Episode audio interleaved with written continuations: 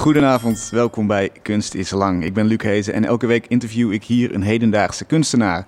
En er schuift aan het einde van het uur iemand aan die met een project op Voor de Kunst staat. Het crowdfund-platform voor de creatieve sector. Dit keer is dat de band De Nachtdienst. Zij snakken namelijk naar een debuutalbum. De acht mannen maken samen een mix van moderne soul, jazz en hip-hop. En die hebben alle liedjes klaar liggen op de plank. Maar ja, die dure opnames, daar moet nog iets aan gebeuren. Maar eerst praat ik met Frank Kolen. Hij kiest voor zijn werk allerlei verschillende vormen. Het kunnen installaties zijn, tekeningen, filmpjes, performances.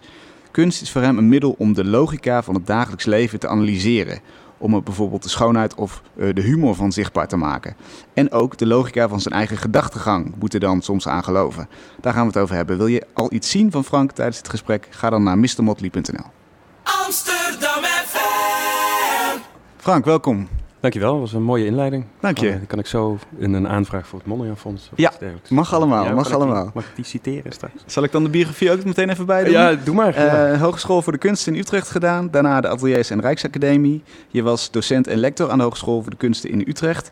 En je bent net hoofd geworden van de opleiding Fine Arts ja. daar. Ja. En als kunstenaar exposeer je in binnen- en buitenland. Dat gaat allemaal goed. En je maakt ook tentoonstellingen. Ja. En je bent ook nog eens adviseur voor het Mondriaan Fonds.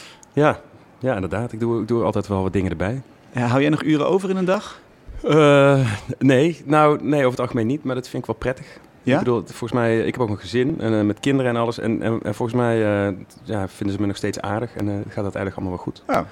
Maar nee, het is wel heel druk. Zeker met dat nieuwe, die nieuwe baan die ik dan erbij doe op dit moment. Hoofd, het klinkt beter, maar het is studieleider eigenlijk. Dus, okay. dus een studieleider is iemand die eigenlijk heel veel verantwoordelijkheid heeft, maar heel weinig macht. Dat is mijn positie. Dus ah. dat is heerlijk, heel fijn gevoel. Ja. En daar uh, gaan we iets heel moois van maken. Maar dat, dat betekent dus dat je, omdat je net opstart, dus ik neem dat net over, dat je daardoor uh, heel veel dingen moet leren kennen. Dus dat kost wat extra tijd. Ja, snap ik. hoop dat, dat, dat die storm een beetje gaat liggen en dat ik dan uh, weer wat meer tijd overhoud voor...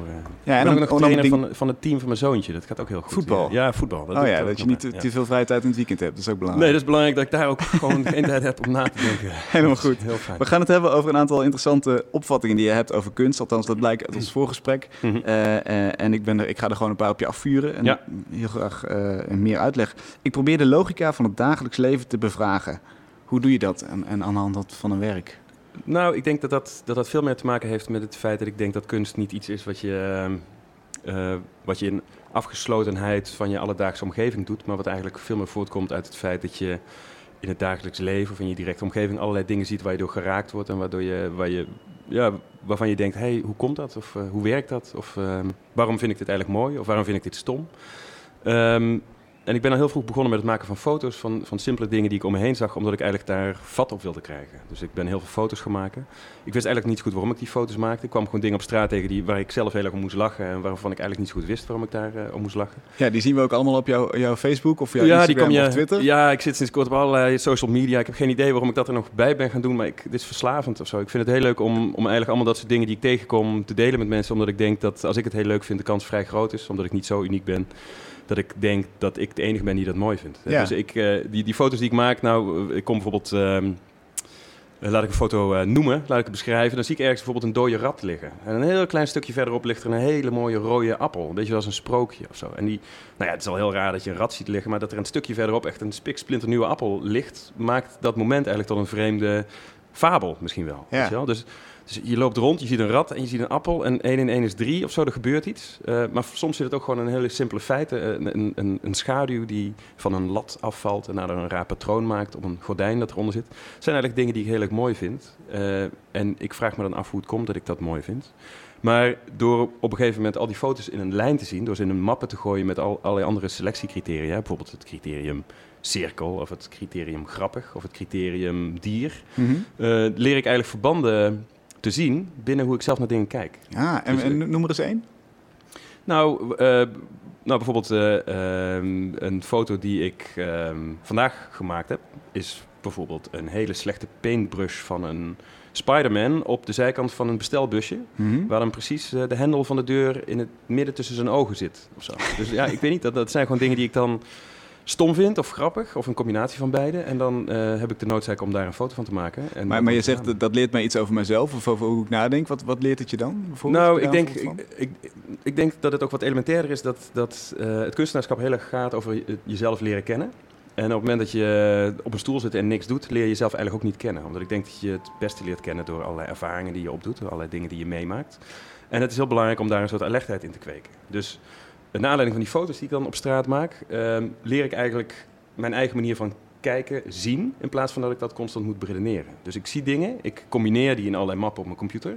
Ik ga er nog een keer doorheen. Ik, uh, uh, ik maak daar nieuwe associaties in. Ik, ik, ik, maak nieuwe verbanden eigenlijk tussen de verschillende beelden die ik op verschillende momenten gemaakt heb. Mhm. En daardoor zie ik eigenlijk bijvoorbeeld dat ik uh, al een jaar of zeven ontzettend veel cirkels fotografeer op straat. Of zo. Of, of, en is dan het gevolg dat jij je meer gaat concentreren op cirkels in je werk? Of ja, ik, ik, ik, ik leer daardoor dat ik blijkbaar daar een soort van aandacht voor heb. Of dat ik dat blijkbaar mooi vind. En, en, en dat is een heel goed moment op het moment dat ik 200 cirkels voor me zie. Om te beredeneren, waarom, waarom doe ik dat eigenlijk? Ben ik die cirkels ook gaan fotograferen omdat ik al eerder in de gaten had dat ik cirkels aan het fotograferen was. Weet je wel? En dat ik daarom aan het sparen ben geraakt. Spaar ze allemaal. Spaar alle cirkels. weet Ja. je wel? Dat, eh, ehm, en het geeft je dus een soort van ehm, eh, ja, extra handvatten om na te denken over wie je bent. Want op het moment dat je ergens om moet lachen, vertelt dat iets eigenlijk over, over ja, hoe jij nadenkt.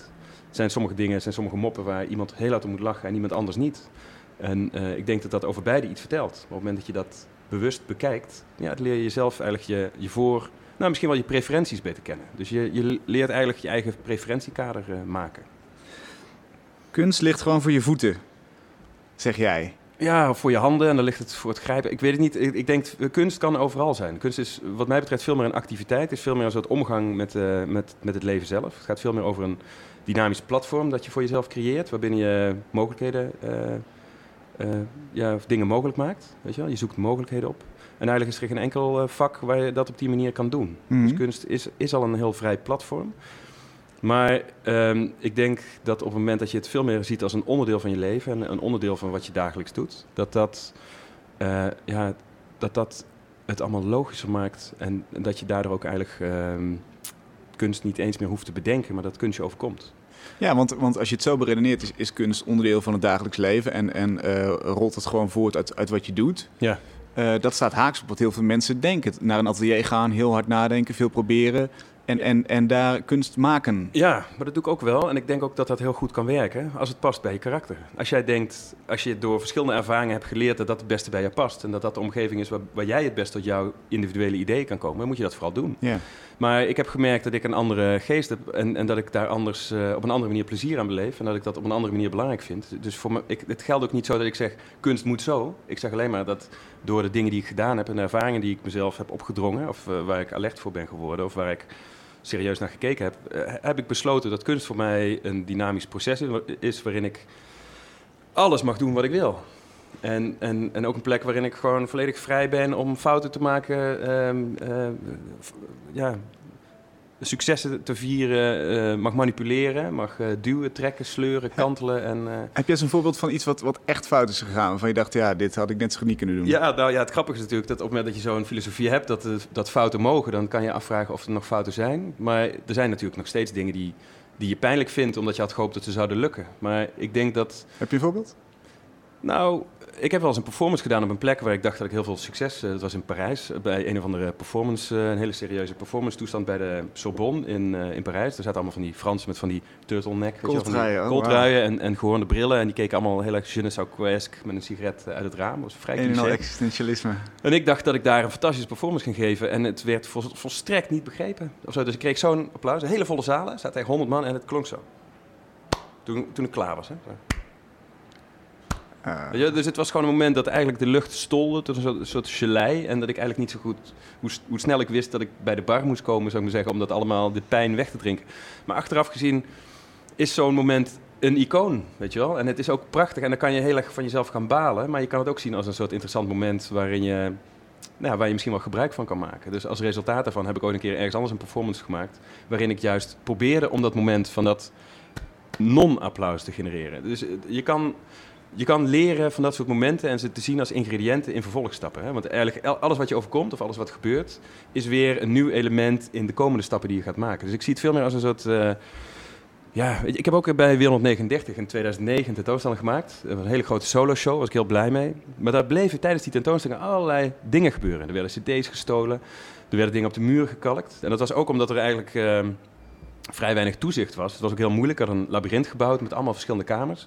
Dus er is een gebruikt condoom gevonden. Uh, er is geld gejat. Een groot, nou ja, er, er, gebeurde van alles. Het was een hele eigen dynamiek. En mijn werk lokt dat blijkbaar ook uit. Maar op een gegeven moment zag ik dat in een achterafkamertje een schilderij op de kop hing. Dus ik had nog wat schilderijen opgehangen. En ik dacht, dat schilderij hangt op de kop. Dus ik ging er naartoe. En toen wilde ik hem van de muur halen en omdraaien. Toen bleek dat achter dat schilderij een heel dik stuk chorizo zat. Gewoon Spaanse pittige worst, zou maar. Die viel er zo uit en ik hoorde ze op de grond zo plok, dat viel op de grond. Ik vond het heel raar. En toen ben ik achter alle schilderijen gaan kijken, je weet maar nooit. En toen bleek achter elk van de schilderijen een stuk dikke chorizo te zitten, bijvoorbeeld.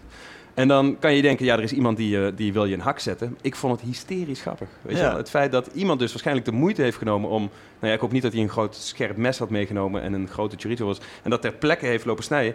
Maar misschien thuis wel dat heeft gedaan, speciaal voor mij. En dat dan mee heeft genomen in een klein tupperwarebakje. En dat dan achter alle schilderij en dan gniffelend naar buiten gegaan is. Ik vond het een ontzettend mooi... Uh, ja, mooi gegeven. Of zo. En ik gebruik dit nou ook vaak als ik een lezing geef. Dan laat ik iemand van tevoren een chorizo snijden. Niemand weet waarom. En dan aan het eind doe ik als een soort van viering, eten we allemaal een stuk chorizo. En dan vertel ik dit verhaal natuurlijk, vooraf.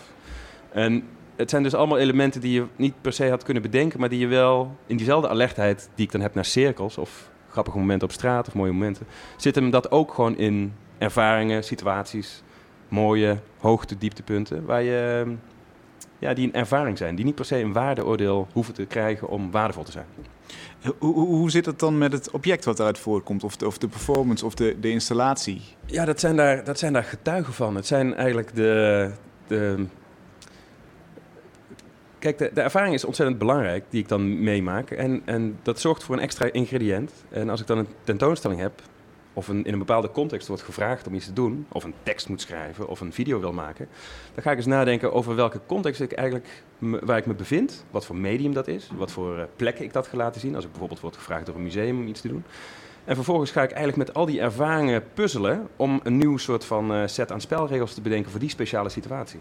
Dus het kan best zijn dat daar plotseling, als ik daarover ga nadenken, uh, zo'n situatie als Parijs, waar dan zo'n rotapplaus uh, plaatsvindt, dat ik denk van ja, maar ik heb eigenlijk die troosteloosheid nodig om hier te vertellen wat ik wil. Dus al die ervaringen die ik heb, vormen een soort basis om vervolgens weer een nieuw werk te maken. En dat werk vormt op zich weer een nieuwe basis om weer nieuwe werk op te kunnen maken. Ja. Dus ik wil eigenlijk nooit werk maken dat vervolgens een soort iconische, afzonderlijke status krijgt. Een soort van uh, constellatie buiten de tijd. Ik wil gewoon een context gerelateerd, uh, dynamisch uh, ja, een, platform maken eigenlijk. Dus dat object is ook een soort mogelijkheid om op een andere manier naar de omgeving te kijken. Betekent dat ook dat mensen die jou volgen eigenlijk een steeds grotere rugzak van, van context mee moeten nou, nemen om jouw werk te begrijpen? Ja, maar dat kan. Ik hoop wel altijd dat het op, op beide niveaus werkt. Ik denk op het moment dat je bijvoorbeeld mijn website bekijkt of zo, dat je dan op een gegeven moment denkt, wat, wat gebeurt hier allemaal? Wat is hier allemaal aan de hand? Weet je? Dus het kan ook net zo goed als, als een stoorzender werken. Maar, maar dat, ik vind voor mezelf dat kunst dat ook moet kunnen zijn. Dat,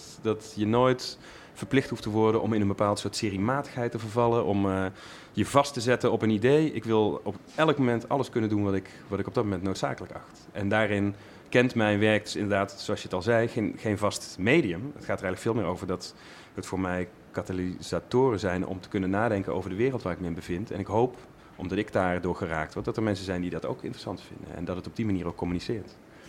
Nou zei ik het al, je bent heel actief op social media, Facebook, Twitter, Instagram. Daar komen dan elke dag... Uh, wel, ik, heb maar 100 volgers. Ik bedoel, ik heb er op Facebook wel meer. In mijn hoofd is dat altijd groter. Maar ja. Ik, eh, ja, nee, het, uh, nou ja, na vanavond komen er veel bij. Ja, natuurlijk. Want, zoek het op. Daar zitten kleine observaties elke dag. Mm.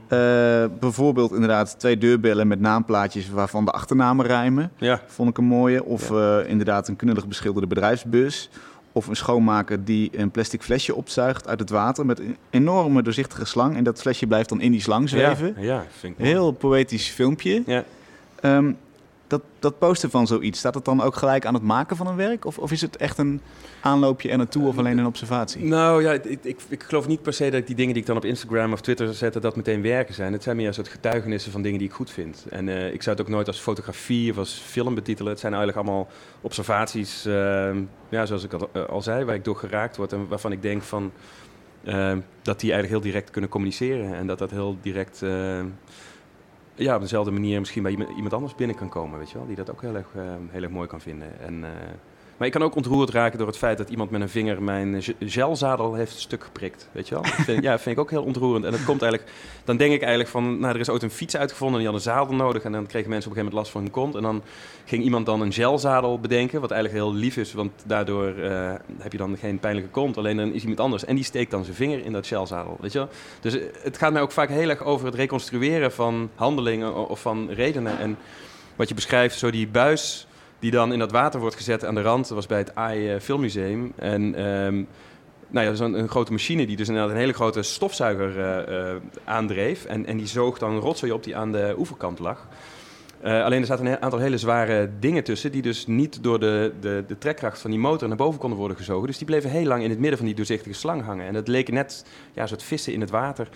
En ja, ik, was, ik heb daar heel lang staan kijken en ik ben ook met die mannen gaan praten van wat is dit nou voor apparaat? Ik heb het nooit gezien. En dan vertellen zij dat zij de enige in heel Nederland zijn die dat apparaat dan hebben.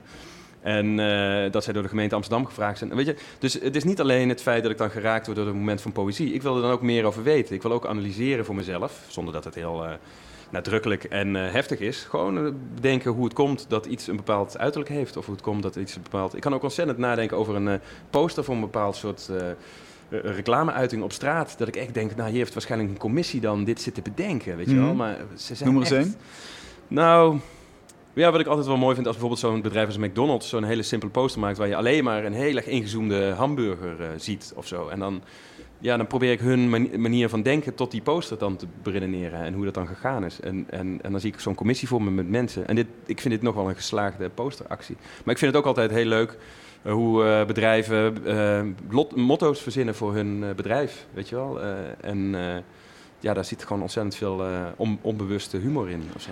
Ja, dat, want er zit ook een lijn van, van laten we zeggen, humor of, of aandoenlijkheid in of zo. Ja, maar het gaat me heel erg vaak over het feit dat de mens denkt dat ze heel veel in, onder controle hebben en dat dat heel vaak niet zo is. En dat gaat heel erg vaak over het feit dat mensen aannames hebben. Dat, dat, uh, dat ze vertrouwen op bepaalde standaarden en bepaalde manieren van denken die heel veilig zijn. En die zorgt dat ze heel goed van A naar B komen, maar die tegelijkertijd ervoor zorgen dat hun nieuwsgierigheid ook niet verder wordt aangewakkerd. Weet je? Dus ik, ik hoop eigenlijk door dat soort aannames uh, tegen te gaan, of door te wijzen op dingen die, uh, die, waar iedereen, of waar veel mensen gewoon aan voorbij lopen, dat je daardoor ook misschien dat hele mechanisme van vertrouwen op aannames een beetje kan uh, laten kantelen. afbreken, ja. Ja, want ik, ik denk gewoon, en weet je, die, het feit dat je dingen aanneemt, maakt je ook heel erg bevattelijk voor allerlei uh, uh, dingen die worden aangepraat door uh, mensen die uh, een sterke mening hebben. Mm. En ik vind dat mensen die bijvoorbeeld, nou ja, als je het politiek gezien, of mensen die een sterke mening hebben, die moet je juist heel erg kritisch bevragen. Want die sterke mening kan natuurlijk ook een soort harnas zijn om hun eigen ego mee te, uh, te etaleren. Ja. Dus ik word er heel erg argwanend van als iemand een hele sterke mening heeft. Dan wil ik gewoon heel graag weten of dat wel ergens op gestoeld is. Dus dat kritisch blijven, het, het, het altijd aanstaan, het altijd kijken wat, wat komt er binnen en waar komt dat vandaan. Ja, ja en dat je dat op, op waarde kan schatten en dat je dat, dat niet aanneemt, zit hem eigenlijk al in de hele kleine dingen om je heen. Ik denk dat een, en het argwaan is een negatieve betiteling daarvan, ik denk dat nieuwsgierigheid veel beter is. Dat je door door op zo'n manier met je omgeving om te gaan en eigenlijk waarde te kunnen zien in dingen die voor heel veel mensen als, als, als totaal uh, dysfunctioneel of stom worden gezien. Dat je eigenlijk ook een beetje leert om, om alle kanten, of veel kanten van een bepaald soort uh, situatie te bekijken. Mm. En, en volgens mij uh, als ik dan iets belangrijk vind, is, is dat het. Dat je niet Maar veel moeite doet. Het is natuurlijk ook, uh, uh, behalve praktisch, ook soms wel gewoon lekker om, om even op nul te staan en niet te veel kritisch na te denken. Gebe gebeurt dat jou nooit? Jawel, tuurlijk, constant. Maar ik denk ook niet dat je kan maken en analyseren tegelijkertijd. Ik bedoel, ik geef al heel lang les en ik denk dat, dat ik één ding het vaakst gezegd heb. En dat is dat je niet kan maken en analyseren tegelijkertijd. Wat bedoel je daar precies mee? Nou, op het moment dat je een idee hebt, moet je zelf ook de tijd gunnen om, om daar blind en zonder enig idee waar het schip strandt, gewoon op, op los te gaan. Om daar gewoon een week lang aan te werken, om te kijken wat het oplevert. En dan moet de kritische stemmetje in je hoofd moet dan uit. Ja, dan moet je zelf even de tijd gunnen om, om eerst maar eens zonder het te weten te kijken waar het schip strandt. En vervolgens terug te beredeneren hoe het zover gekomen is. Want op het moment dat je en maakt en op dat moment probeert te analyseren, zit er altijd een soort zelf, oneigenlijk zelfkritisch stemmetje in. Dat vaak gevoed is door de stem van je docent Eh, de stem van een groot voorbeeld. eh, weet je wel, allerlei zelfkritiek die je sowieso al over jezelf uitstort. Nee, dus ik denk dat je jezelf moet gunnen om... En dat is eigenlijk denk ik ook de manier geweest waarop ik ooit begonnen ben met die fotoreeks. Ik heb op een gegeven moment gedacht, ja, ik kan hier wel op een stoel zitten en heel erg kritisch gaan nadenken over van alles. Maar ik heb eigenlijk niks om uit te putten. Ik Ja. heb helemaal geen humuslaag. Ik weet helemaal niet waar ik het zoeken moet. En door eigenlijk te gaan letten op de dingen die je mooi vindt, of dat nou een zin in een boek is, of eh, een film die je gezien hebt waar je door geraakt bent, of een, of een stuk muziek, of iets wat je op straat tegenkomt, dat zijn de dingen die je moet onthouden. Om vervolgens in retrospect te zeggen, hé, hey, maar shit, dat is eigenlijk iets wat ik, wat ik me nooit, nooit zo bedacht heb, maar wat eigenlijk iets is wat constant terugkomt in de manier waarop ik naar de dingen kijk. En daardoor kan je weer ja, veel beter inschatten wat voor dingen je eigenlijk wil doen. Wat je eigenlijk wil maken. Dus ik lijk, ik lijk, wel, een, ik lijk wel een missionaris. Ik bedoel het helemaal niet zo, niet zo heftig. Want ik geloof juist dat je dat helemaal zelf moet uitzoeken. Alleen er zijn bepaalde, zijn bepaalde eh, ja, eh, strategieën die je daarvoor kan bedenken. Die je kunnen helpen om, Ja. om dat wat vrijer te krijgen. Om Ja. dat, eh, ja. Nou ja, en eh, dit is ook een beetje jouw, jouw, jouw missionarisplek. Je hebt twee keer een blok van 20 minuten om helemaal los te dat was gaan. Goed. Ja, nou, ik heb nog Ja. andere dingen die ik met de mensen wil delen. maar Nou, heel goed. Na de muziek, want eh, eh, we vragen elke week de gast om muziek uit te zoeken. Dat heb jij ook gedaan. Ja, Laten we eerst maar even luisteren, denk Oké, ik. dat is goed. Je luistert naar Kunst is Lang vanavond met kunstenaar Frank Kolen, die alle mogelijke verschijningsvormen kiest voor zijn werk. Tekeningen, installaties, sculpturen, video's, lezingen en bovendien is hij hoofd van de opleiding Fine Art aan de Hogeschool van de Kunsten in Utrecht. Maar eerst deze muziek, wat, wat, dit was fascinerend. Wat hebben we gehoord? Dat is muziek van eh Zorro Inca. En dat is eigenlijk een pseudoniem voor Wolf Aartse. Dat is een kunstenaar die zich de laatste tijd heel erg heeft eh, toegelegd, of al de laatste paar jaar, op, eh, op muziek. En hij maakt die muziek op een hele bijzondere manier. Hij maakt eigenlijk allemaal samples van zijn stem. Dus alle geluiden die je hoort zijn allemaal met zijn stem gemaakt. Geen instrumenten. Geen enkele instrumenten. En dat doet hij in een zelfgebouwde studio in zijn huis. Woont in Amsterdam-Oost. En ja, dat doet hij wat mij betreft op een fascinerende manier. Ik vind het echt gewoon... ja, hij is een, ex, eh, een oud student van mij, dus ik ken hem daarvan. En zijn werk, hij maakt ook tekeningen. Maar ehm, hij heeft ook komende vrijdag een optreden in Utrecht in de Academiegalerie. eh, Een tentoonstelling van de Dooyewaard eh, stipendium en studenten. En daar treedt hij op en dat doet hij één keer in de zoveel tijd. En ik vind gewoon het een hele eigen manier om met die muziek om te gaan. Ja, waanzinnig. Ik wil een film maken ook binnenkort en ik ben nog steeds in onderhandeling met hem dat hij de filmmuziek gaat maken. Ik zou het fantastisch vinden als hij, dus om hem een beetje te promoten. Zij de kramp in zijn tong krijgt voor die soundtrack. Ja, dat kan hij, dat vindt hij niet erg. Uh, Mooi. Wolf heeft graag kramp in zijn tong. Oké. Hey, eh, jij bent eh, eh, al een tijdje docent en nu dus ook eh, hoofd van die opleiding. Volgens mij geeft docentschap ook een, een zekere macht om een hele nieuwe generatie studenten op te leiden. Wat, wat wil je ze meegeven? Hoe ga je dit aanwenden? Nou, ik zie dat niet, ik zie dat niet als macht. Ik denk dat, dat heel veel keuzes in mijn. eh, ja, ik denk dat heel veel keuzes in, in. Waarom ik bijvoorbeeld ook zoveel dingen doe, of in commissies zit, of juries en zo, dat, dat heeft te maken met een soort verantwoordelijkheidsgevoel naar de jonge kunstenaars, veelal. Of zo. Het feit dat ik denk dat als je voor het kunstenaarschap kiest, dat je niet eh, per definitie de makkelijkste keuze maakt. Mhm. En ik denk ook dat het. ehm, dat het qua belangstelling in Nederland enorm eh, achterloopt als je kijkt naar, naar buurgelanden als Duitsland en België. Waar in België, als je daar een kunstenaar bent, dan ben je een romantische poëet. Dan vinden mensen je prachtig. En in, in Nederland vinden ze je een, een, een uitzuiger en een, eh, weet je wel, en een... ehm, Ja, de waardering is anders. de waardering is Ja. totaal, totaal anders. Dus het feit dat je dat in Nederland heel graag wil, vind ik een ontzettend dappere keuze. Vind ik een ontzettend goede keuze ook. Omdat je voor, volgens mij niet genoeg kunstenaars kunnen hebben die eh, hun taak ook heel erg serieus eh, opvatten. Ehm, maar het feit dat ik me daar heel graag mee bemoei is omdat ik, omdat ik gewoon geloof dat, ehm, eh, dat dat een hele verantwoordelijke taak is. Waar ik me heel graag voor wil inzetten. Maar wat bestaat die taak uit? Hoe zie je dat? Nou, een, een kunstacademie, eh, een periode aan een kunstacademie is een hele geconcentreerde tijd. Het is eigenlijk een vrij korte periode, vier jaar. En in die vier jaar moet je jezelf eigenlijk een beetje ontdekken. En eh, dat is ook een hele kwetsbare periode. Want mensen die voor de kunstacademie kiezen, zijn vaak mensen die heel erg veel fantasie hebben. En die dus ook gewoon, nou ja, zichzelf opleggen om met hun eigen geest en met de input die ze krijgen, eh, tot een, eh, een eigen eh, individuele vorm van kijken proberen te komen. Hè? Of dat, wat voor medium dat dan gaat worden. Ehm, en ik geloof gewoon heel erg dat er bepaalde manieren zijn om, om studenten te kunnen helpen in dat pad. En ook om ze te kunnen helpen om uiteindelijk na de academie een zo stevig mogelijke positie te hebben in het veld waar zij in willen gaan werken. Of dat nou eh, de buurt in is met een trommel eh, boterham met kaas, of dat het eh, op een zolderkamer je schilderijen maken, hè, om weer een cliché te gebruiken. Wat het ook is, het is onze taak als, als school en als kunstacademie om te zorgen dat ze in ieder geval alle gereedschappen krijgen om vervolgens zich zo goed mogelijk in die wereld staande te houden. En Dus, hoe, doe- hoe doe jij dat? Wat is de Frank Kolen aanpak daarin? nou, dat is zacht, eh, heel meestal stinkende wonden. Maar, maar ik, ik, ben, ik ben veel meer iemand die eh, me- met een student, en ik denk heel veel docenten van bij ons, ik denk hopelijk heel veel mensen, eh, docenten zien die taak ook, is dat je voornamelijk eerst heel goed luistert wat iemand wil en wat iemand vertelt en wat iemand daarbij maakt. Om, om vervolgens uh, gezamenlijk tot uh, uh, in ieder geval een paar nieuwe opties te komen, tot een volgend gesprek. Dus als ik wegga uit een atelier, wil ik heel graag dat iemand een aantal nieuwe opties ziet. En dat hij vervolgens daar zelf mee aan de slag moet, welke van die opties dat zou kunnen worden. Of, of welke van die opties zouden kunnen leiden tot een nieuwe stap in wat hij wil, hij of zij. En dat is wat ik te bieden heb. Gewoon met mijn, met mijn ervaringen en, en, en mijn ideeën. En zijn haar ervaringen en ideeën tot nieuwe mogelijkheden komen. En dat ligt een ideaal gezien in de lijn die al is ingezet. Want nee, natuurlijk niet. Nee hoor, nee, want iemand kan ook eh, iets heel anders bedenken. Het is natuurlijk heel fijn als je aan het eind van die vier jaar een specifiek idee hebt over hoe je wil afstuderen. Maar iedereen weet ook dat eigenlijk dat hele kunstonderwijs is eigenlijk een soort bachelor voor het leven, weet je wel. Dus ik bedoel, het is, het is ook gewoon maar een eerste stap. Dus ook studenten moeten zich ook bewust zijn van Um, het is ook een beetje een cliché, maar dat het dan eigenlijk pas begint. Weet je wel, zo'n zo'n uh, academie is een ontzettend beschermde omgeving.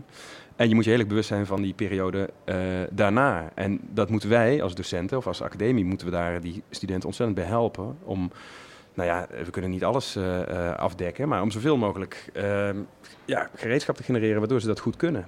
Specifiek op hun, hun eigen vraag, specifiek op hun eigen mogelijkheden. En dus dus dat, die taak bestaat er dan uit het, het uit de wind houden van studenten in zekere zin, het, het laten uitvinden van hun eigen pad. Ja. Uh, en, en dat ze dat zo goed mogelijk laten doen. Ja, ze daarin stimuleren, uh, daarin begeleiden, daarin ook kritisch bevragen, dat hoort er gewoon bij. Maar daarin ook allerlei dingen aanreiken waar ze misschien op hun eigen kracht niet achter gekomen waren. Dat is nou het grote voordeel als je gewoon al nou ja, ik zit dan 20 jaar in de kunst, maar er lopen mensen rond die zitten dat doen al 30, uh, 30 jaar langer.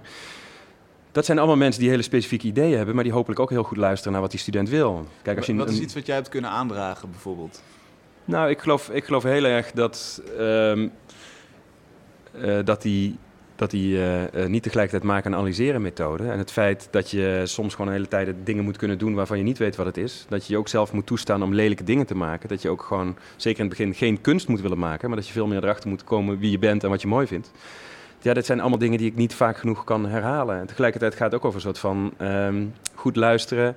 En iemand erop wijzen dat hij misschien iets over het hoofd ziet. Zo van, jij denkt dat je dat niet kan, maar kijk nou eens even hiernaar. En je kan dat ontzettend goed. Alleen je bent heel erg onzeker. En, en ik denk dat dat daar en daardoor komt. En probeer nou eens voor de volgende keer eens te kijken uh, wat je daarvan vindt. En, en uh, weet je wel, kijk eens naar die kunstenaar of zo. Kijk eens hoe hij dat gedaan heeft.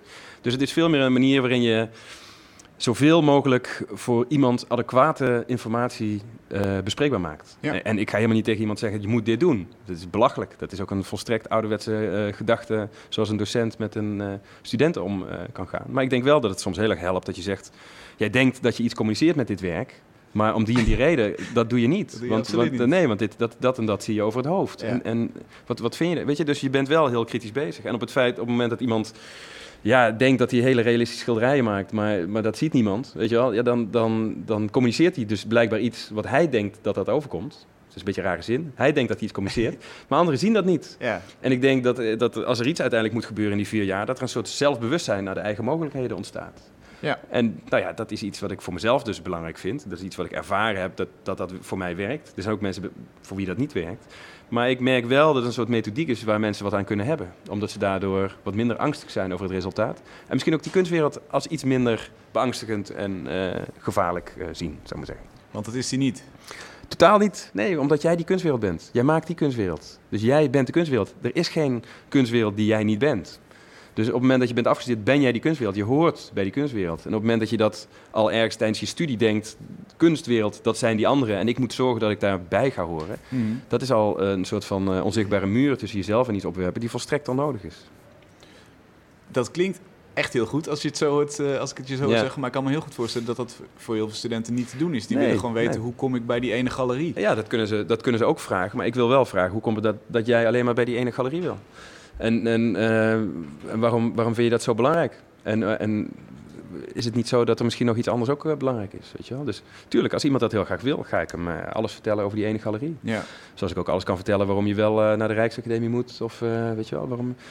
Um, dus dat gaat echt over de, de wensen van die student.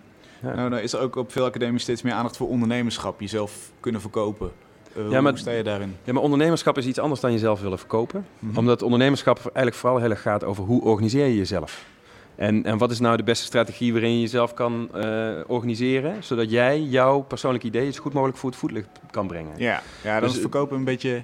Ja, jezelf willen verkopen. Nee, want, want je verkopen lijkt eigenlijk bijna. Weet je, je maakt een auto, daar heeft zo'n fabriek heel erg liefdevol aan gewerkt, of door een robot. En vervolgens komt er een ander mannetje en die gaat, die gaat dat ding dan verkopen, zou ik zeggen. Weet je wel? En ik denk juist dat, uh, dat ondernemerschap in de basis heel erg veel te maken heeft met hoe jij nadenkt over je werk. Dus je, je moet niet je werk gaan maken en dan vervolgens gaan nadenken over hoe kan ik dit in de markt zetten. Nee, je moet dat ondernemerschap vanaf de basis koppelen aan wat je aan het doen bent. Omdat als jij een zelfbewustheid hebt ten aanzien van je eigen werk en je hebt een, een context gerelateerd bewustzijn, dus je weet een beetje wat, wat er om jou, jouw visie heen gebeurt of waar jij graag je werk zou willen positioneren, leer je ook hoe je dat kan doen en, en, en wat voor nou ja, strategie noem ik het steeds, dat klinkt wat afstandelijk. Maar wie je daarvoor zou kunnen benaderen. Of uh, wie, wie je zou kunnen vragen om je mee te helpen. Of uh, welke mensen je zou kunnen vragen om samen te werken. Dus het gaat veel meer over een soort zelfbewustzijn. Die niet alleen naar de artistieke kant van je werk is, uh, is gericht, maar ook naar ja, hoe je dat kan organiseren. Wat, wat, je zei net, um, die academie is een soort van bachelor voor het leven. Ja, het klinkt ook weer shit, hè? Alsof ik het nou, boekje heb. Een tegeltje bijna. Ja, dit kan het ergst. ik ga dadelijk op de wc wel op een of andere tegel Kijk, schrijven. Dat is ook ondernemen. Oh, ik dacht dat je hem ging verkopen. Dat je het, nee. Ik verkoop nooit over, over ondernemerschap. Verkocht ik maar eens wat. Nee, Hoe kan dat nou? Eh, eh, moeten dus studenten jou niet iets, uh, iets leren daarover misschien? Nou, misschien ik, zijn wel zakelijker dan jij. Elke dag als ik met studenten praat, of met wie dan ook praat, leer ik er wat van. Maar dat leer ik ook natuurlijk van de fietsmaker bij mij om de hoek. Het gaat er eigenlijk veel meer over dat je open bent om, om nog te leren. En, en ik, ik wil heel graag leren. Wat, ik, wat leer je van de studenten? Nou, weet je, het ligt er, het, ligt er, het is meer dat elk, uh, elk mens is een cocktail van uh, ervaringen, cultuur, weet je wel, uh, nou ja, van geboorte tot het punt waar ze staan, hebben ze gewoon ontzettend veel dingen meegemaakt, zoals elk mens uh, anders in elkaar zit, andere genen heeft. Ik ben daar nieuwsgierig naar. En, en kun je eens een voorbeeld geven van misschien een eerstejaarsstudent waarvan je dacht, nou, daar heb ik best wel een lesje van, van opgestoken? Nou, ik, ik, ik vind dat mensen die, die bijvoorbeeld plotseling tot een, tot een inzicht kunnen komen in hun werk, die bijvoorbeeld drie jaar lang hebben lopen hakkelen, barrelen, en die plotseling door dat, door dat traject wat ze hebben doorlopen, plotseling een soort momenten hebben dat, dat het kwartje valt. Dat, dat is het mooiste wat er kan gebeuren, weet je wel? Dat, dat je opeens ziet, en je hebt het zelf van tevoren helemaal niet kunnen beredeneren dat dat moment eraan kwam. Dus ik heb bij sommige studenten ooit wel gedacht, ja, we trekken er met z'n allen aan, we doen met z'n allen ons best, maar ja, ik zie het niet gebeuren. En dan gebeurt het plotseling. Dat, ja, dat is een ontzettend euforisch moment, weet je wel? Dat is een moment dat je gewoon heel blij bent voor iemand dat dat lukt. En dat is ook de, de stimulans die je heel graag wil. En je wil natuurlijk ook dat die ene student die al heel talentvol is, dat die, dat die ook op zijn niveau wordt uh, gepusht en, mm. en geholpen, weet je wel. En, en uh, nou, er is nou een, een, jongen die zit nou op de ateliers, Rick van Eyck, fantastische kunstenaar. En als je zijn, um, de opbouw van zijn uh, studietijd ziet, ja, dat is, dat is zo... Staccato, is dat nou goed of slecht? Nee, ik bedoel juist dat het is zo goed gegaan. Vanaf het begin heeft hij zo'n rare, logische relatie in zijn werk aangebracht. Dat, ik alleen maar denk: wauw, dat is gewoon zo mooi om dat van dichtbij mee te maken. En die mhm. verschillende stappen in die ontwikkeling te zien. Ik zie dat als een voorrecht. En als ik jou dan goed heb beluisterd uh, de afgelopen, uh, het afgelopen. Is dat bijna weer afgelopen? Ja. Nee, nee, nee. Dan, dan um, lijkt jij me niet iemand die daar jaloers op kan zijn, bijvoorbeeld. Ik bedoel, vergelijk jij jouw carrière wel eens met andere Jawel, tuurlijk doe je dat. Uh, dat, dat, doe je, dat doe je tuurlijk. Maar ik, ik probeer daar wel om te lachen. Ik was in Londen afgelopen weekend of twee, met, ook met een groep studenten. En er was een tentoonstelling in de Barbican. En daar is Bedwyr Williams, kunstenaar uit Wales, die ik, uh, die ik goed vind. Heb ik ook uitgenodigd voor een tentoonstelling in Brugge in het begin volgend jaar. En die had daar een show gemaakt en ik liep rond en ik was heel erg jaloers. Maar ik was ook een soort euforisch jaloers. Weet je wel? Jaloezie komt vaak voort uit het feit dat je dat eigenlijk zelf had willen doen. Weet je, dat je dat zelf had willen maken. Maar je weet meteen, een fractie van een seconde later, ik had dit niet kunnen maken, want ik ben niet Bedwyr Williams. Er zijn gewoon bepaalde elementen die hij blijkbaar heeft kunnen articuleren in zijn werk, die, die ik ook graag zou willen. Maar dan gaat het dus niet over dat ik dat had willen maken. Het is meer gewoon dat... Uh, dat, dat het zo fantastisch is dat je denkt, jeetje mina, dus dit is het. Ja, en soms heb je dat geluk bij tentoonstellingen, dat je iets ziet en dat je gewoon ja, denk je, het is een tien of zo. Ja, en dan ben je heel blij, want hoe vaak kom je nou een tien tegen, weet je wel? Dus, dus je bent eigenlijk alleen maar blij dat je die ervaring hebt gehad... en dat je daardoor weer eigenlijk beter weet... op wat, wat voor manier jouw eigen werk misschien weer scherper kan. Nee, dus ik zie het eigenlijk altijd... En die jaloezie is natuurlijk heel erg grappig, maar wat schiet je op met jaloezie? Ik bedoel, het is totaal een... Jaloezie is een hele negatieve emotie waar je, waar je zo snel mogelijk... Uh, ja, of heel erg goed over moet gaan nadenken waarom je dat jaloers maakt. Maar... Uh, Ja, waar je gewoon niet zoveel aan hebt. Je klinkt wel als een ontzettend uh, positief mens. Is dat zo? Of ben je ja, ook ik heb laatst uh... een van de functioneringsgesprekken heb ik zo heb ik zo'n psych psychologische tabel moeten invullen. En, en, uh, en ik ben, geloof ik, dat kwam daar dan uit. Dus het is ook wel leuk dat je dat dan invult en daar komt dan uit, u bent een positief mens. Dan denk ik, ja, dat wist ik wel al. Weet je wel, zo een aantal van die dingen. al vanuit. Ja, dat, dat, dat, weet ik. Ja, maar die positiviteit komt, heb ik wel voort, komt wel voort uit een bepaald soort uh, houding ten aanzien van het leven. Omdat ik gewoon denk dat, um, dat het het meest productief is. Dat je daar het meest aan hebt. Mm. En, en dus ik ben soms ook gewoon positief, omdat ik vind dat ik positief moet zijn. Ik Ja. zit ook wel eens in de auto te balen. En ik, uh, ik ben eigenlijk een nihilistische humanist. Ik geloof helemaal nergens in, maar ik hou wel heel veel van mensen. Weet je wel? Ik, ik bedoel, ik denk dat het wat we hier op aarde doen eigenlijk niet zoveel voorstelt. Omdat ik denk dat het allemaal al voorbij is. Weet je wel, de mensheid is druk bezig om zichzelf uh, van kant te maken. Uh, over een paar uh, miljoen jaar bestaat de aarde niet meer. Dus in dat licht geloof ik niet per se dat het echt nut heeft wat hier gebeurt. Ik vind het prachtig. Ik vind het heerlijk dat het geen nut heeft. Ik zie alleen maar de mogelijkheid dat de enige manier om echt van dingen te leren is door ervaringen op te doen. En de beste mogelijke ervaringen zijn positieve ervaringen. Dus waarom zou je daar op een soort van uh, halfbakken uh, pessimistische manier tegenaan kijken als je weet dat je dat niks helemaal niks oplevert. Dus haal alles uit je ervaringen. Dat is eigenlijk die. Uh, de, Neem je eigen ervaringen serieus en probeer die in te zetten om, om iets moois mee te doen. Ja, ja en, en ik bedoel, man, um, lach eens naar iemand in de tram, weet je wel. Ja, je kan ook wel denken dat je een halve garen bent, maar dat is, dat is prima. Of zo. Ik geloof wel dat dat soort elementen gewoon heel erg meewerken aan het feit dat, uh, dat het helemaal niet zo gek is om beleefd en aardig tegen elkaar te zijn. Weet je wel? En uh, dat je elkaar daarin een klein beetje kan stimuleren en helpen. Of zo. Ja. Staat genoteerd. Ja, het is weer zo'n didactisch Mooi, tegeltjes. Ik heb er al, ik heb er al drie. Tomme, zet, een, zet een microfoon neer en, en ik begin gewoon te preken. Dat is gewoon uh, dat is die katholieke achtergrond, uh, vrees ik. Ja. Um, Jij bent ook adviseur voor het Mondriaan Fonds. Hoe, daar heb je ook macht natuurlijk in zekere zin. Kom, komt, komt, zit je daar ook te preken in, uh, in vergaderingen? Nee, nee, helemaal niet. Ik doe dat soort dingen omdat ik gewoon heel nieuwsgierig ben hoe de kunstwereld functioneert. Dus ik, ik, bedoel, ik vind het heel leuk om over dingen na te denken, over dingen te praten, met mensen erover te brainstormen. Ik heb eigenlijk heel weinig stokpaardjes of dingen die ik vind dat zo moeten zijn. Ik ben ook echt geneigd om iemand anders gelijk te geven als ik dat echt vind. Dus ik zal... Maar het zijn manieren voor mij om die kunstwereld, die, die complex kan zijn, of die kanten van de kunstwereld van allerlei kanten te benaderen. Omdat ik denk, als je er zelf nooit iets mee te maken hebt gehad, kan je er eigenlijk ook heel weinig over zeggen. Ja. Er zijn allemaal mensen die roepen, nou, het is allemaal vriendjespolitiek. Ik kan je vertellen, dat is niet zo. Weet je, er zitten heel veel mensen die ontzettend veel om kunst geven. Dat is de reden waarom ze zich verantwoordelijk voelen om in zo'n vrij moeilijke commissie te gaan zitten. En er zijn ook allemaal mensen die echt het beste voor hebben met de kunst en die in samenspraak met elkaar tot een conclusie moeten komen als daar een, uh, als daar een aanvraag ligt. En, en ik denk ook uh, dat het beter is dat kunstenaars dan doen, dat doen, omdat zij weten wat voor processen mensen doormaken en daarom veel beter kunnen inschatten of de, de drijfveren van iemand kloppen bij wat hij doet. Hè? Wat, wat, wat kan en wat, wat, wat moet er misschien beter? Want het is best een, een invloedrijke positie. Wat, wat, wat, is, jouw, wat is daar jouw, jouw missie, zeg maar? Of wat, wat wil je, hoop je daar te bereiken? Nou, ik denk dat het een beetje hetzelfde is dat, uh, wat ik heb bij, dat, bij uh, docentschap. Dat je een verantwoordelijkheid voelt voor mensen die zich binnen die kunst of binnen, binnen de positie die de kunstenaar heeft, die wat mij betreft ook midden in die maatschappij staat. Gewoon, uh, de keuze voor een kunstenaarschap is een keuze voor de mensheid, zou ik maar zeggen. Je probeert met ziel en zaligheid erachter te komen of het nou op een soort microgebied is of op een macrogebied, uh, hoe wij in elkaar zitten, waar we volgens mij allemaal wat van kunnen leren. Dus daar, daar heeft iedereen iets aan, zeg jij? Daar heeft iedereen iets aan. Op het moment dat je daarvoor openstelt, heeft iedereen daar iets aan. Ik denk ook wel dat het aan de kunstenaar is om dat beter uit te leggen, maar... Um, nou ja, daar zijn we allemaal hard mee bezig, volgens mij. Maar uh, bij zo'n bij zo'n Mondriaanfonds gaat het eigenlijk een beetje over hetzelfde. Dat ik denk van, um, uh, het gaat hier over een soort open blik op een vrij geformaliseerd aspect van het kunstenaarschap. Namelijk uh, ja, een aanvraag die maar zoveel pagina's mag hebben en zoveel dia's. Hmm. Mm. En ik denk dan ja, met mijn ervaring en ook gewoon het feit dat ik mensen heel veel kansen gun... denk ik dat ik daar op de goede plek zit. Omdat ik niet rankeneus ben, niet ja jaloers. Nou ben ik dat wel in allerlei andere gevallen, maar ik hoop op die positie niet. Mm -hmm. En... en en het zal ook wel iets met zelfoverschatting te maken hebben. Maar ik, ik denk dat ik daar op, op die plek dan um, zo objectief mogelijk probeer daar iets van te kunnen zeggen. En iedereen een soort van kans uh, durf geven. Omdat ik niet echt een vooropgezet idee heb over hoe kunst eruit moet zien. Um, die, die taak van kunst in de maatschappij, jij zegt, daar heeft eigenlijk iedereen iets aan. Ja. Ja. Dat, dat is bijna een, een boodschap, een tegeltje die je naar eh, Den Haag zou willen sturen in dit geval. Jawel, maar zij gaan er heel erg uit. En dat is ook wat ik aan het begin zei van die aannames. Zij, zij zien de kunst nog steeds als die kunstenaar op zijn zolderkamer met zijn schilderijen die niet productief meedeelt in, in wat we doen. Maar als ik de afgelopen tien jaar kijk naar wat voor studenten bijvoorbeeld bij mij zijn afgestudeerd, bij Mhm. ons, of die zo überhaupt afstuderen. Ik ga veel naar allerlei academies, ik doe ook allerlei gastlessen en zo.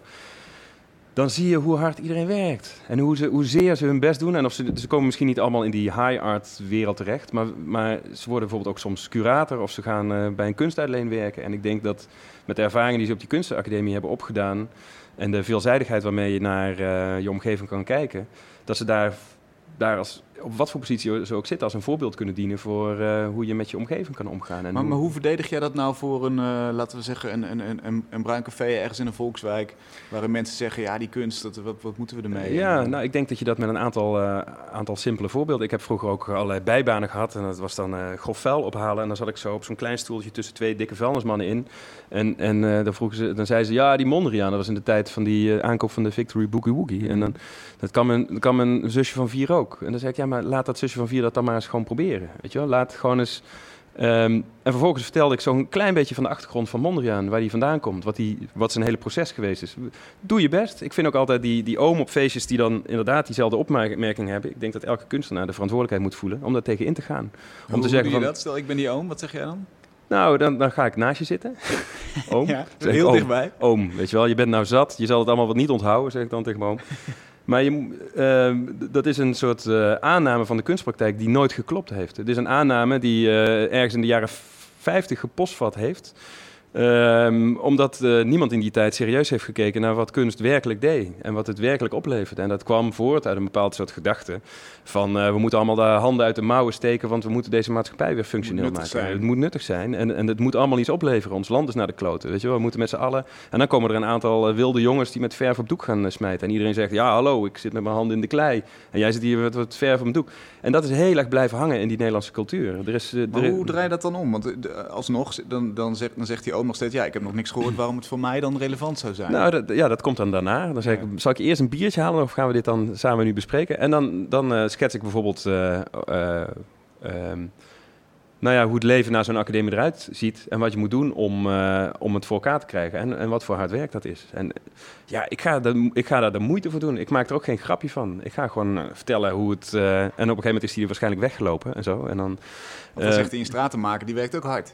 ja, dan zeg ik, nou vind ik te gek. Ik heb heel veel respect voor een stratenmaker. Dus Een stratenmaker is, is te gek. En, en ik hoop dat die stratenmaker dat doet. waar ik overheen kan rijden. Ja, dat is, dat is ontzettend mooi. Maar ik eh, ga hem dan vertellen dat ik een eh, toneelstuk heb gezien en dat ik tranen in mijn ogen had. En dat ik daar nog een hele dag over heb nagedacht. En dat ik me afvroeg hoe het kwam dat ik daar tranen over in mijn ogen kreeg. En, en dat ik dacht, ik wil die tranen vaker. En wat moet ik dan doen om die tranen vaker te krijgen? En eh, die, die tranen, die werken soms, omdat, omdat zo iemand ook wel geëmotioneerd is door muziek. Of, weet je wel, dus je moet eigenlijk manieren vinden waarop iemand bevattelijk is om te snappen dat kunst emotie kan opleveren, dat kunst andere manieren van kijken kan opleveren. En, en dat dat het nut en de kracht van de kunst is.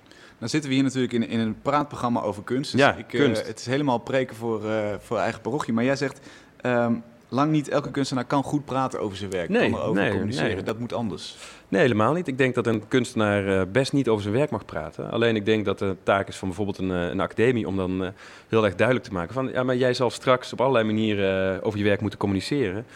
Vraag dan iemand om een stuk tekst te schrijven voor jou. Weet je wel? Ehm, eh, zorg ervoor dat er in ieder geval bepaalde manieren zijn waarop je dat werk wel kan communiceren. Ja. Als je het leuker vindt om dat op Facebook te doen, doe het via Facebook. Weet je wel? Dan schrijf korte snippets en het is ook oké.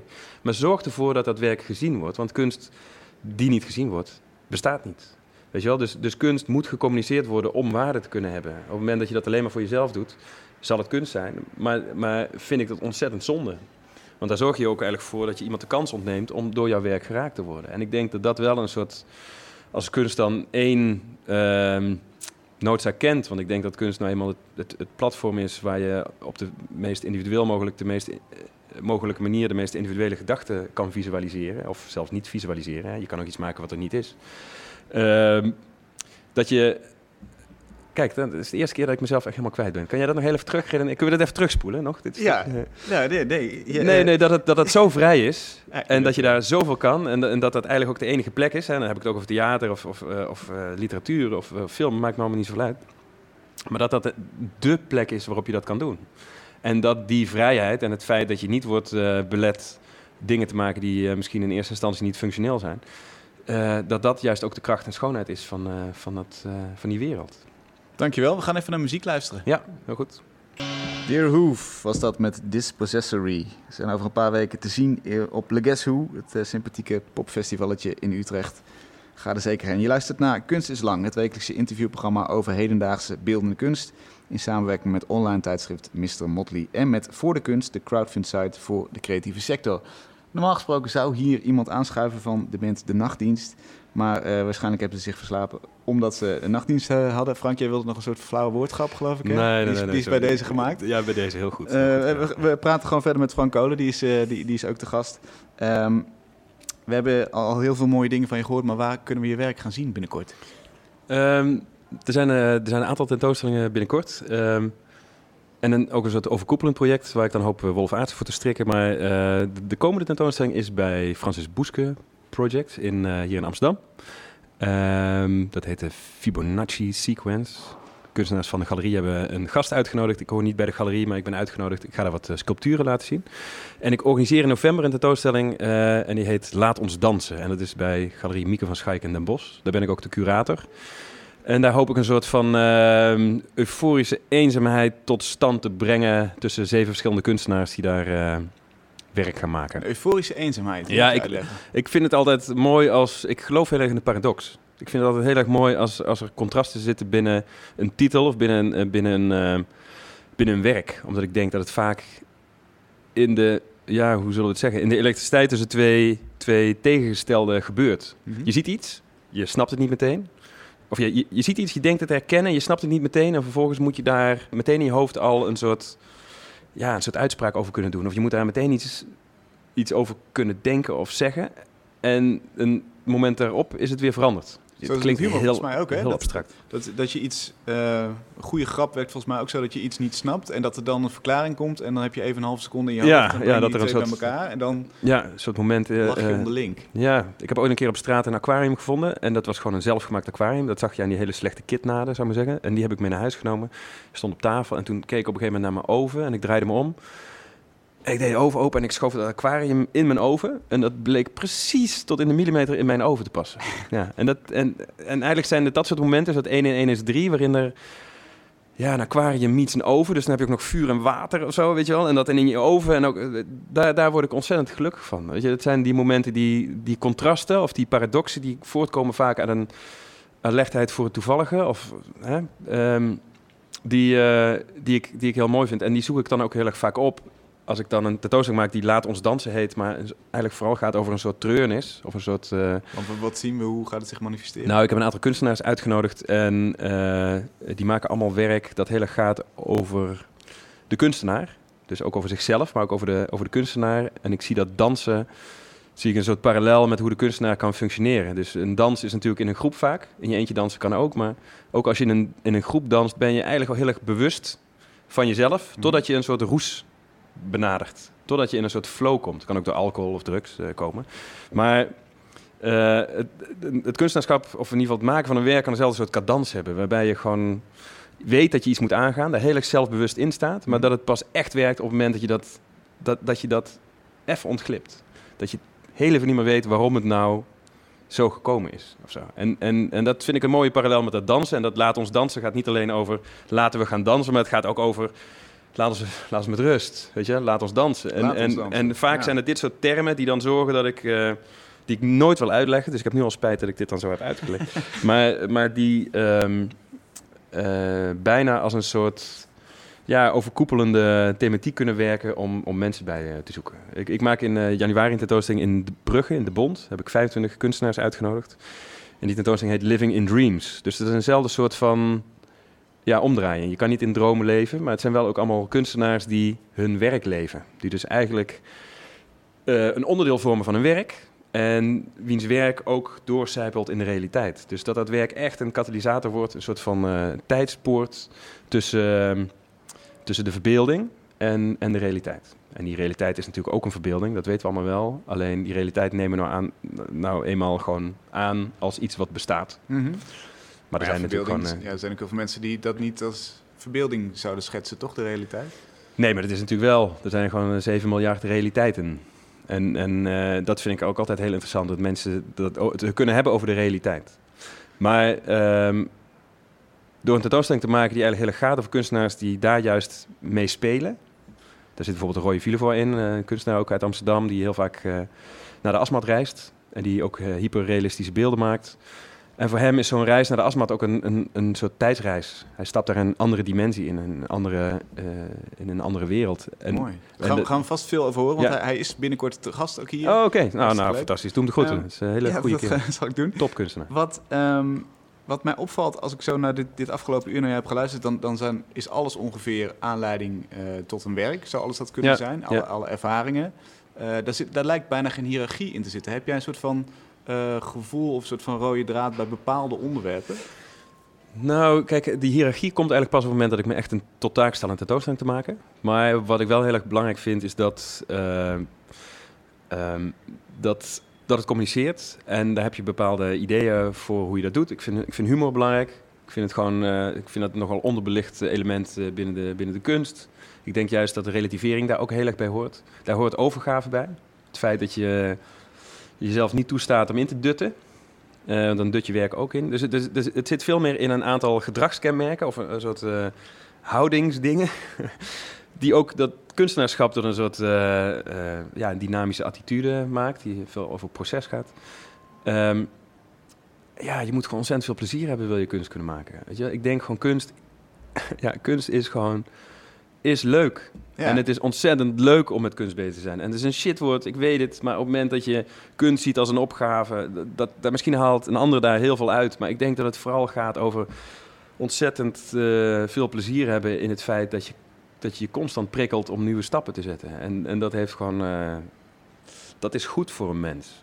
En uh, je zou ook kunnen zeggen, althans er zijn mensen die dat zeggen... door, door lijden ontstaat het de grootste. Ja, dat zoeken die mensen zich dan uit. Dat moeten ze op hun manier doen. Maar ik.